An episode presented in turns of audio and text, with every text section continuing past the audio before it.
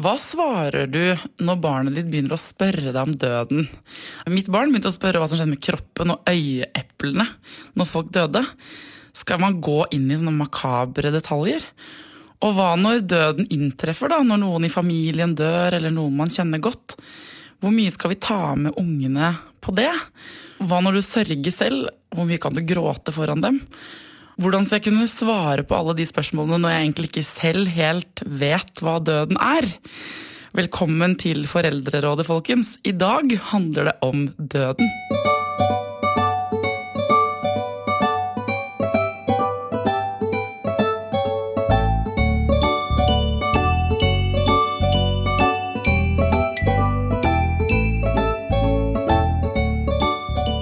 Velkommen til Foreldrerådet, Bianca Simonsen. Du er barnevernspedagog, forfatter og foredragsholder. Ja, takk for at jeg vil komme. Du, når er det barn begynner å spørre om døden? Så fort de har mulighet, egentlig, tror jeg. Tror at barn generelt er veldig nysgjerrig på døden. Og at det kommer ofte ganske brått på foreldrene hvor tidlig det egentlig kommer. Hva skal man fortelle dem, da, når de begynner å spørre? Jeg tenker at Det avhenger litt av hva slags spørsmål man får. Eh, veldig ofte så er barn veldig konkrete eh, og kommer med veldig sånn direkte spørsmål. F.eks.: Hva skjer? Hva skjer med kroppen?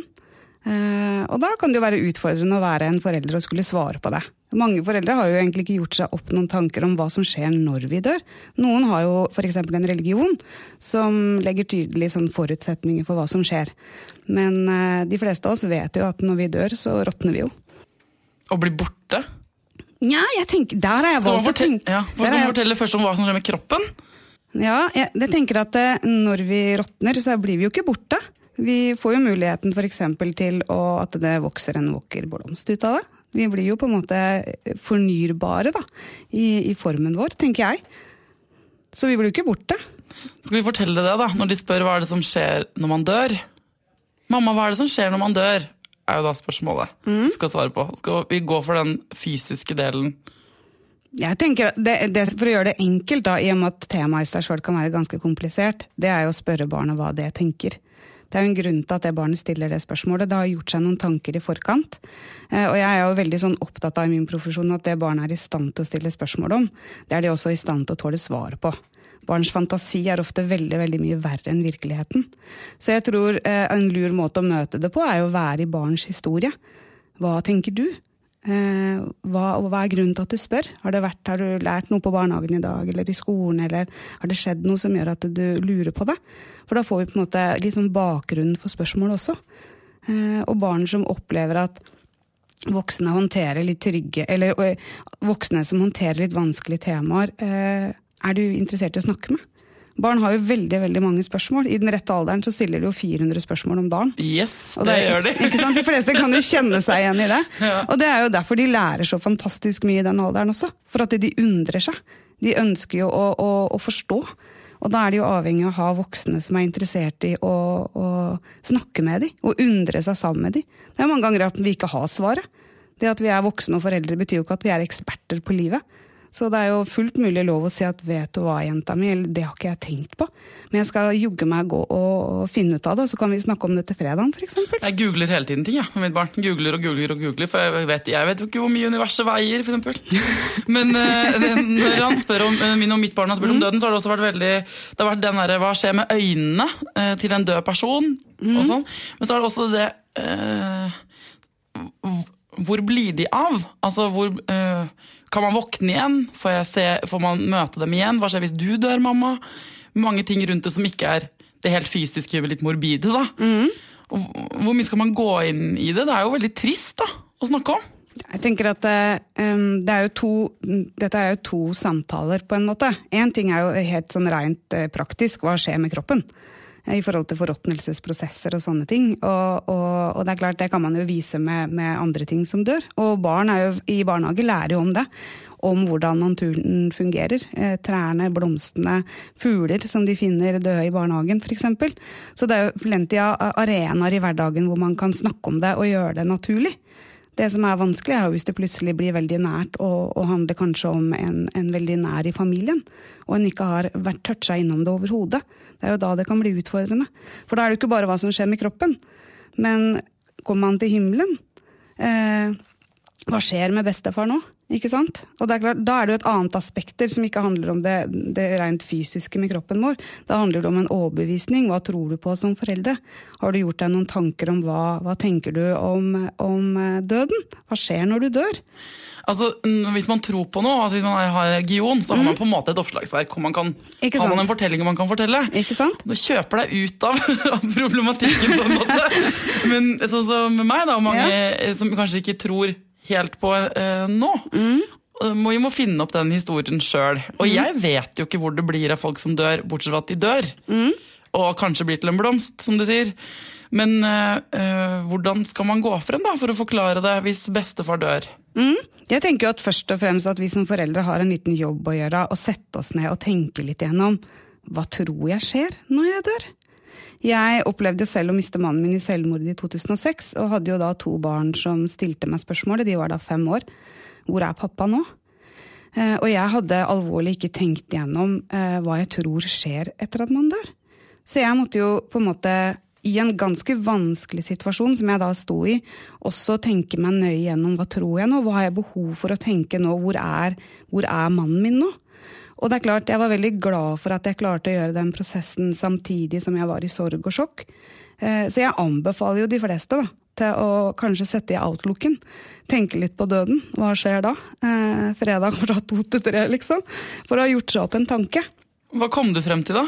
Jeg for min del kom frem til at døden for meg ikke skulle være forbundet med frykt. Det er ingen indikasjon på at døden er noe å frykte. Eh, Så jeg har valgt å tenke at døden er en overraskelse, rett og slett. Vet ikke hva det er, og det ligger litt sånn latent for meg å tenke at eh, hvorfor skal jeg tro at det er noe skummelt eller noe forferdelig?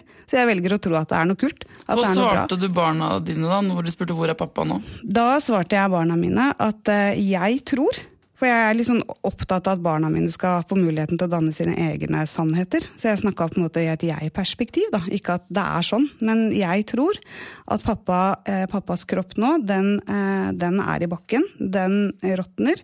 Eh, og blir til på en måte jord eller til gjødsel, sånn det kan vokse andre fine ting opp av.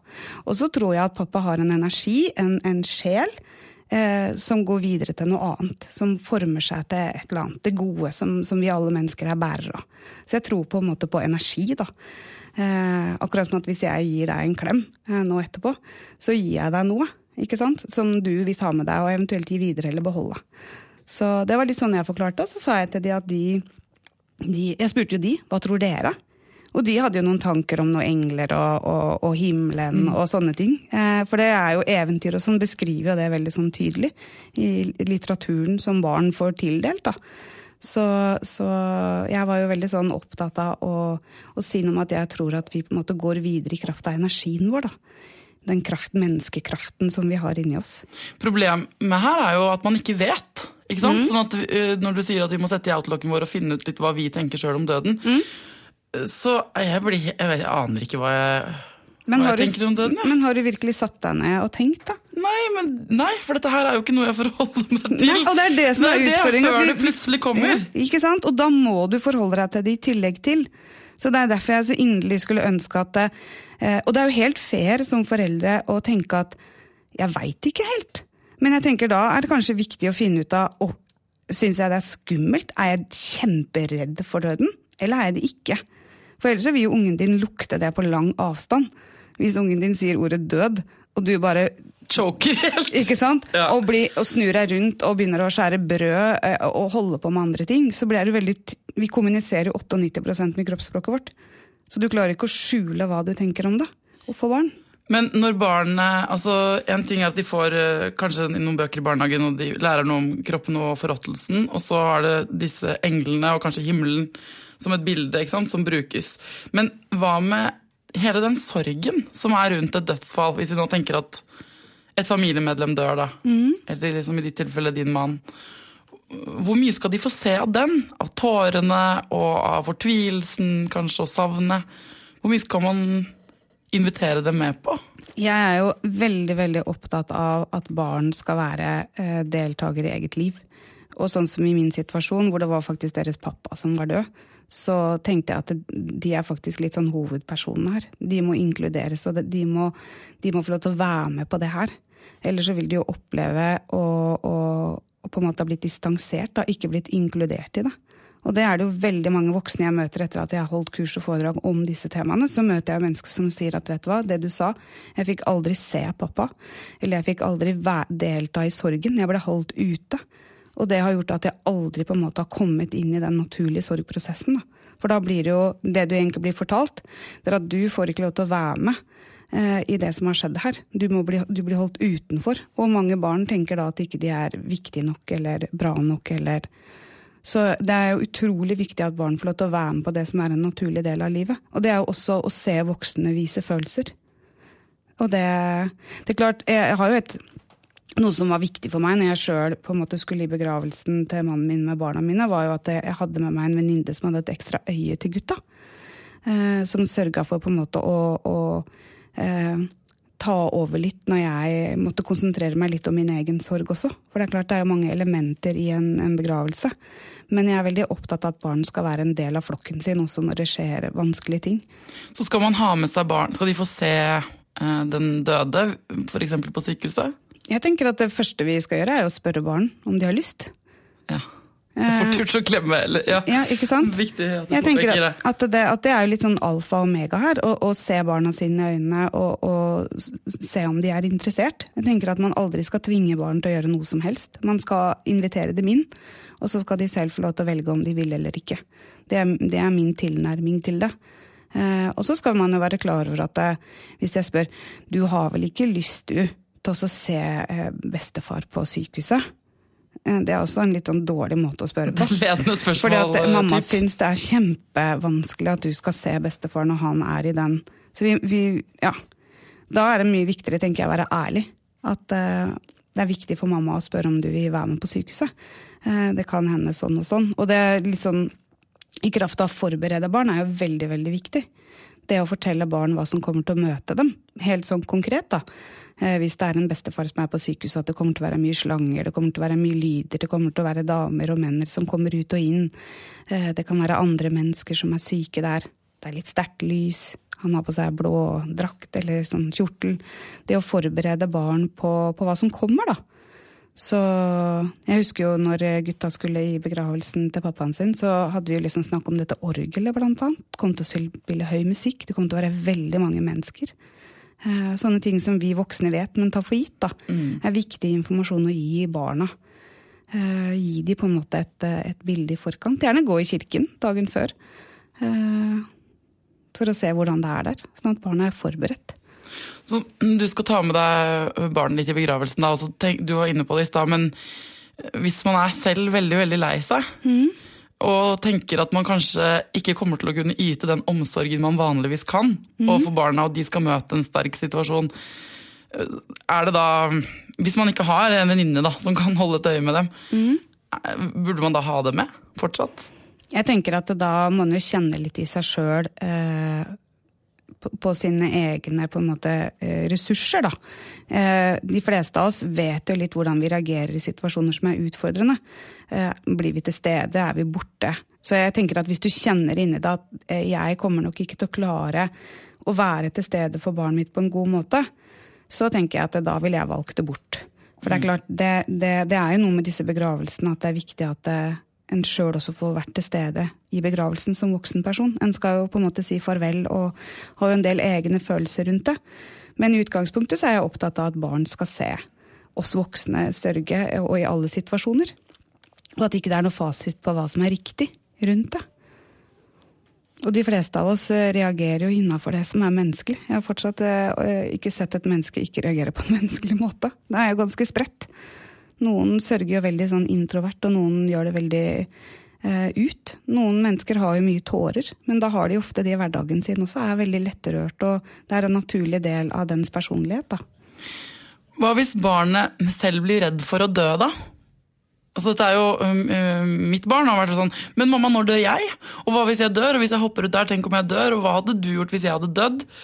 Og nå har jeg bare begynt å svare sånn Nei, hvis du dør, så dør jeg òg. For jeg kan ikke leve uten deg. Det, det, det mener jeg jo, oppriktig talt inni meg. ikke sant? Ja. Vi kan ikke snakke om det. Jeg, altså, jeg orker ikke det, for det, det er forferdelig. Men hvis barn eh, blir litt opphengt i døden og tenker på det selv, og tenker at de skal dø selv, og lurer på det spørsmålet rundt det, eh, skal man være med å liksom male det bildet om at det er mulig? da? Jeg syns det kan være veldig ubehagelig. Ja. Eh, du tenker at det er ubehagelig at barnet ditt kommer til å dø? Selvfølgelig tenker jeg at det er ubehagelig. Det er jo det verste som kunne skjedd meg. Mm. Så derfor så med en gang han vil snakke om det, kanskje heller på en sånn eventyrmåte, som man av og til vil snakke om hvis jeg blir astronaut. For han er det bare Det er det liksom to samme størrelser, da. Og at spennende ting han har hørt om. Mm. Så får jeg helt sånn Det strammer seg inn i magen. Jeg kan ikke forestille Jeg forstår det bare jeg snakker om at han Men, kan dø. Men hva er det du egentlig kjenner på da? At jeg er redd for at han skal dø. Ja, hvorfor det? Fordi det hadde vært det jævligste som hadde skjedd i hele mitt ja, liv. Hvorfor det? For det du kjenner på er kjærlighet. ikke ja. sant? Du kjenner på noe av det, det beste. Ja. Og, det, og, det, er det som er litt sånn synd da, i de samtalene om døden, at det de egentlig representerer ofte, er at vi kjenner på hvor ekstremt takknemlige og hvor glad vi er i hverandre. Og ikke sant? Selv de tingene er ting vi ikke snakker så mye om. Ikke sant?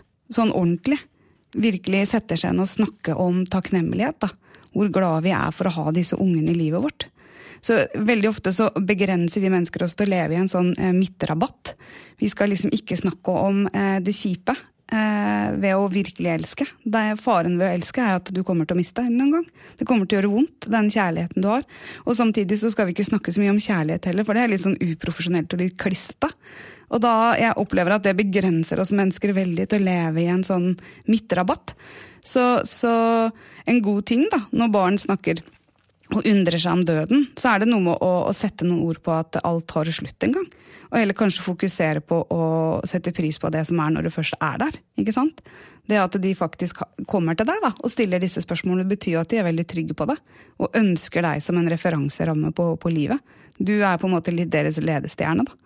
Og det, ja. Det er utfordrende å kjenne på de virkelig sterke følelsene i livet, men jeg, jeg skulle ønske at vi voksne hadde vært mer modige og gjort det. Hvor ofte burde vi gjøre det? Jeg tenker at når eh, Veldig mange ganger så kjenner vi voksne det i maven når vi burde snakke med barna våre om ting. Eh, det, det, ringer noen bjeller. At nå burde jeg kanskje snakke om sex, eller nå burde jeg kanskje snakke om døden, eller mobbing, eller at den ikke spiser så mye, eller at den trener så mye, eller uh, når du kjenner det, så har det allerede gått for lang tid. Men hvilke ord skal man bruke når man beskriver døden for barn? Døden?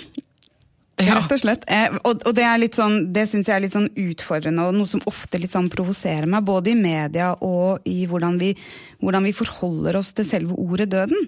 Ofte så velger vi helt andre ord. F.eks. Eh, hvis man leser sånne dødsannonser, så står det at eh, bestefar sånn og sånn sovna stille inn. Eller 'nå har bestemor reist'. ikke sant? Eller, og det er klart, hvis vi bruker ord f.eks. som å sovne inn, så kan vi ikke undre oss så veldig hvorfor barn blir redde for å sove. Og det kan gjerne være i en alder hvor de forstår ordet, men ikke forstår hele betydningen av det. ikke sant? Eh, og det her med å reise bort, veldig klønete eh, hvis eh, man har sagt at farfar har reist. Alle gråt i lang tid, jeg er fortsatt lei seg, og til uka så skal vi reise bort en tur. Herregud, jeg har aldri tenkt på det her før. Nei, og, det, og det, det, det, er noe med hvordan vi faktisk forholder oss til døden. da Vi pakker det inn som noe annet. Eh, det, døden, det kan godt hende at døden er en charterreise, liksom. Men jeg liker å forholde meg til, til, død. Eh, og for meg så er død at kroppen, legemet, eh, enten blir det gravlagt eh, i bakken, eller så blir det brent. Og sånn, det er jo litt sånn hard måte å nærme seg det på. Eh, men det er klart, det, eh, når barn hører disse andre ordene som, som ikke er så harde, så blir det jo veldig, veldig tøft når du skjønner at det Uh, farfar har ikke sovna inn. Uh, ikke sant? Han sover ikke, han er død. Så ja. Så man skal si det som det er? Si det som det er. Ærlighet og kjærlighet i barnehøyde. Det handler jo ofte om at vi må ta en runde sjøl rundt eh, hva tenker jeg rundt ting, og hvordan er det jeg forholder meg til det, faktisk. For det er det som vil gjenspeile deg også i møte med barnet ditt. Hvis det er at du har du en utfordrende eh, opplevelse rundt døden og rundt sorg og rundt disse temaene, så vil mest sannsynlig også barnet ditt vokse opp med å ha utfordringer rundt det. Og det er lov som voksen å si at vet du hva, dette temaet, eller det å snakke om døden, syns jeg er kjempevanskelig. Jeg syns det er jeg, blir, Du ser det på mamma, jeg blir ukomfortabel, jeg beveger meg, men det er veldig veldig viktig at vi kan snakke om det sammen. Eh, og det, jeg er her for deg og still meg spørsmål. Det kan godt hende at jeg, at jeg gir uttrykk for at det er ubehagelig, men det, det, det tåler jeg som voksen. Jeg er rusta for å ha det litt ubehagelig. Hvis man ikke snakker om eh, døden med barnet sitt sjøl, så kommer du jo kanskje til å høre om det fra andre. Ikke sant? Og det er jo klart, barn, barn, trenger svar på sine spørsmål for å danne seg en tanke og en mening om livet. Eh, og det er klart, hvis de da ser at vet du hva, mamma blir så ubehagelig eh, rørt når jeg spør om dette her, så jeg går heller til nabo Thorsen ned i gata. Da er det jo veldig klønete hvis nabo Thorsen har helt annen eh, religiøs overbevisning enn deg, ikke sant? Og så begynner å snakke om, om himmel og helvete og, og er du snill og, og ville dagen hellig. Og det er mange måter man forholder seg til tro på, og døden. Og jeg foretrekker da heller å fortelle barna mine sjøl hva jeg tenker, sånn at de kan få lov til å danne sin egen mening da, om hva som skjer eh, når vi dør. Men jeg skulle ønske at vi ikke alltid valgte at døden skulle være forbundet med frykt. Det kan jo hende at det bare er helt fantastisk. Så jeg er litt mer for å grue seg mindre, da, og heller ta det imot litt med åpne armer. Det er jo uunngåelig. Hva er det man ikke skal si, da? Vi skulle hatt sånn her, hva er det man absolutt ikke, hvordan er det man absolutt ikke skal snakke om døden? Eller? Det er at uh, 'dette skal ikke du tenke på nå, gutten min. Nå skal vi kose oss'. Så avvisning. Ja. Veldig mange voksne sier det. 'Dette skal ikke du tenke på'. Og så tenker jeg 'hallo, ungen din har allerede tenkt på det', liksom. Det er litt seint å si at, eh, at, det skal du ikke tenke på. Hvis du kommer til meg og så sier du, du Bianca, jeg har det, jeg lurer så innmari på eh, sånn eller sånn. Og så sier jeg det skal du ikke tenke på. Blir det borte da, liksom? Kjenner du bare 'å, takk for at du sa det'? Nå bare Dritirritert! Ikke sant? Eller enda mer nysgjerrig, hva er det som gjør at folk ikke vil snakke om det? Så, så, det å tro at det å si til barnet sitt at 'det skal ikke du bekymre deg for', eller 'det skal ikke du tenke på', eller Det har du allerede gjort. Og det ble ikke noe tryggere etter den svaret du ga dem. Så det er egentlig det, det beste jeg kan si. Det er at det, det, liksom det, verste du kan gjøre, er å avvise de i, i undringa si. Da er det mye mye bedre at du sier at du syns det er litt ubehagelig, eller 'Å, det er et ganske eh, tøft spørsmål', eller 'Skal vi finne ut av det sammen?' Ja. Det finnes jo fantastisk mye bra litteratur også i forhold til døden og, og, barn også. Så det å gå en tur på biblioteket og ha en liten sånn studie da med barnet sitt, for å finne ut av hva er, som, hva er det som beveger seg der ute, hva kan vi velge i å tenke, er jo Ja. Jeg er iallfall veldig, veldig for å være i forkant av. Det betyr jo på en måte å ta det opp når barnet ditt spør deg. Uansett om det er på Rema eller om det er på bussen. Eh, det å ta det på alvor. Barnet har valgt deg som det mennesket det ønsker å vite hva du tenker eh, og føler rundt det temaet. Jeg tenker at Det er jo en anerkjennelse. De lurer på hva du tenker. Du er spesielt utvalgt. Og vi burde håndtere også det spørsmålet som det. Tusen, tusen takk, Bianca, for at du kom til Foreldrerådet. Og takk for at jeg fikk komme, og ikke minst takk for at du tok opp det viktige temaet.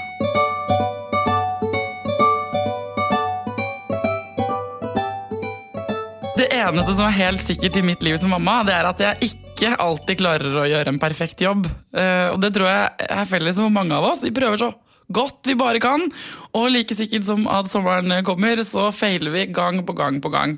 Det som er litt deilig, da, det er å få trøst i at andre mennesker også gjør feil. Nå skal du få høre Katinka fortelle om en dag i mammalivet som hun skammer seg rimelig mye over.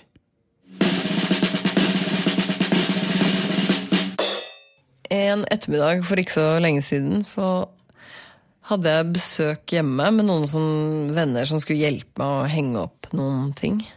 Og så var datteren min veldig opptatt uh, sånn oppmerksomhetssyk da, midt i dette eh, kaoset hvor hun fikk veldig lite oppmerksomhet. For det var mest fokus på eh, interiør og praktiske opphengsting og sånn.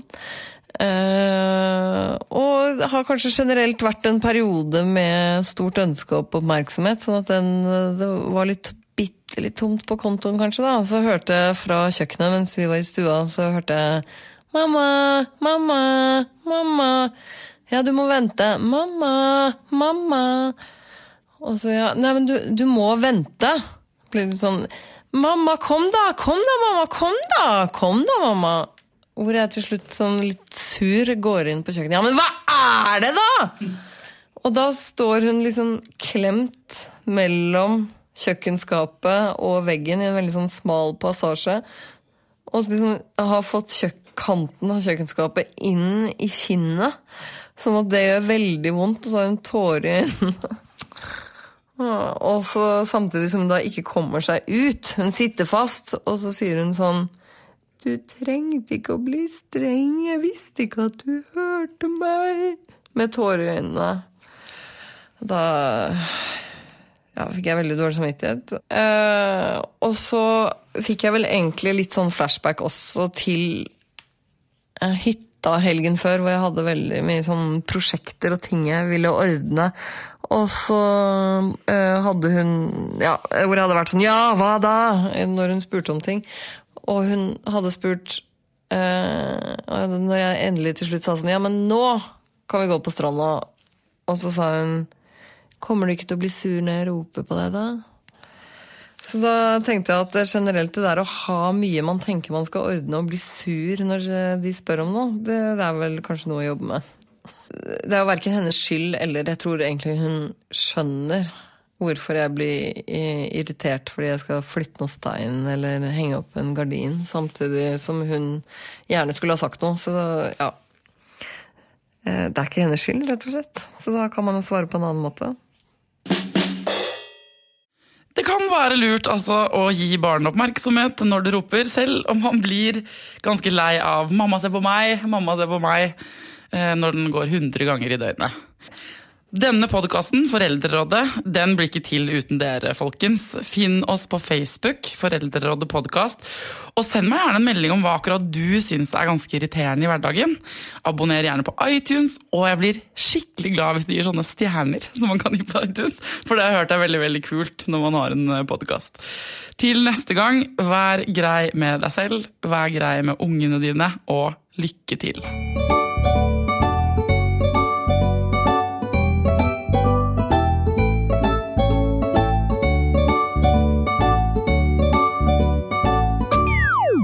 Produsert av Rubicon Radio.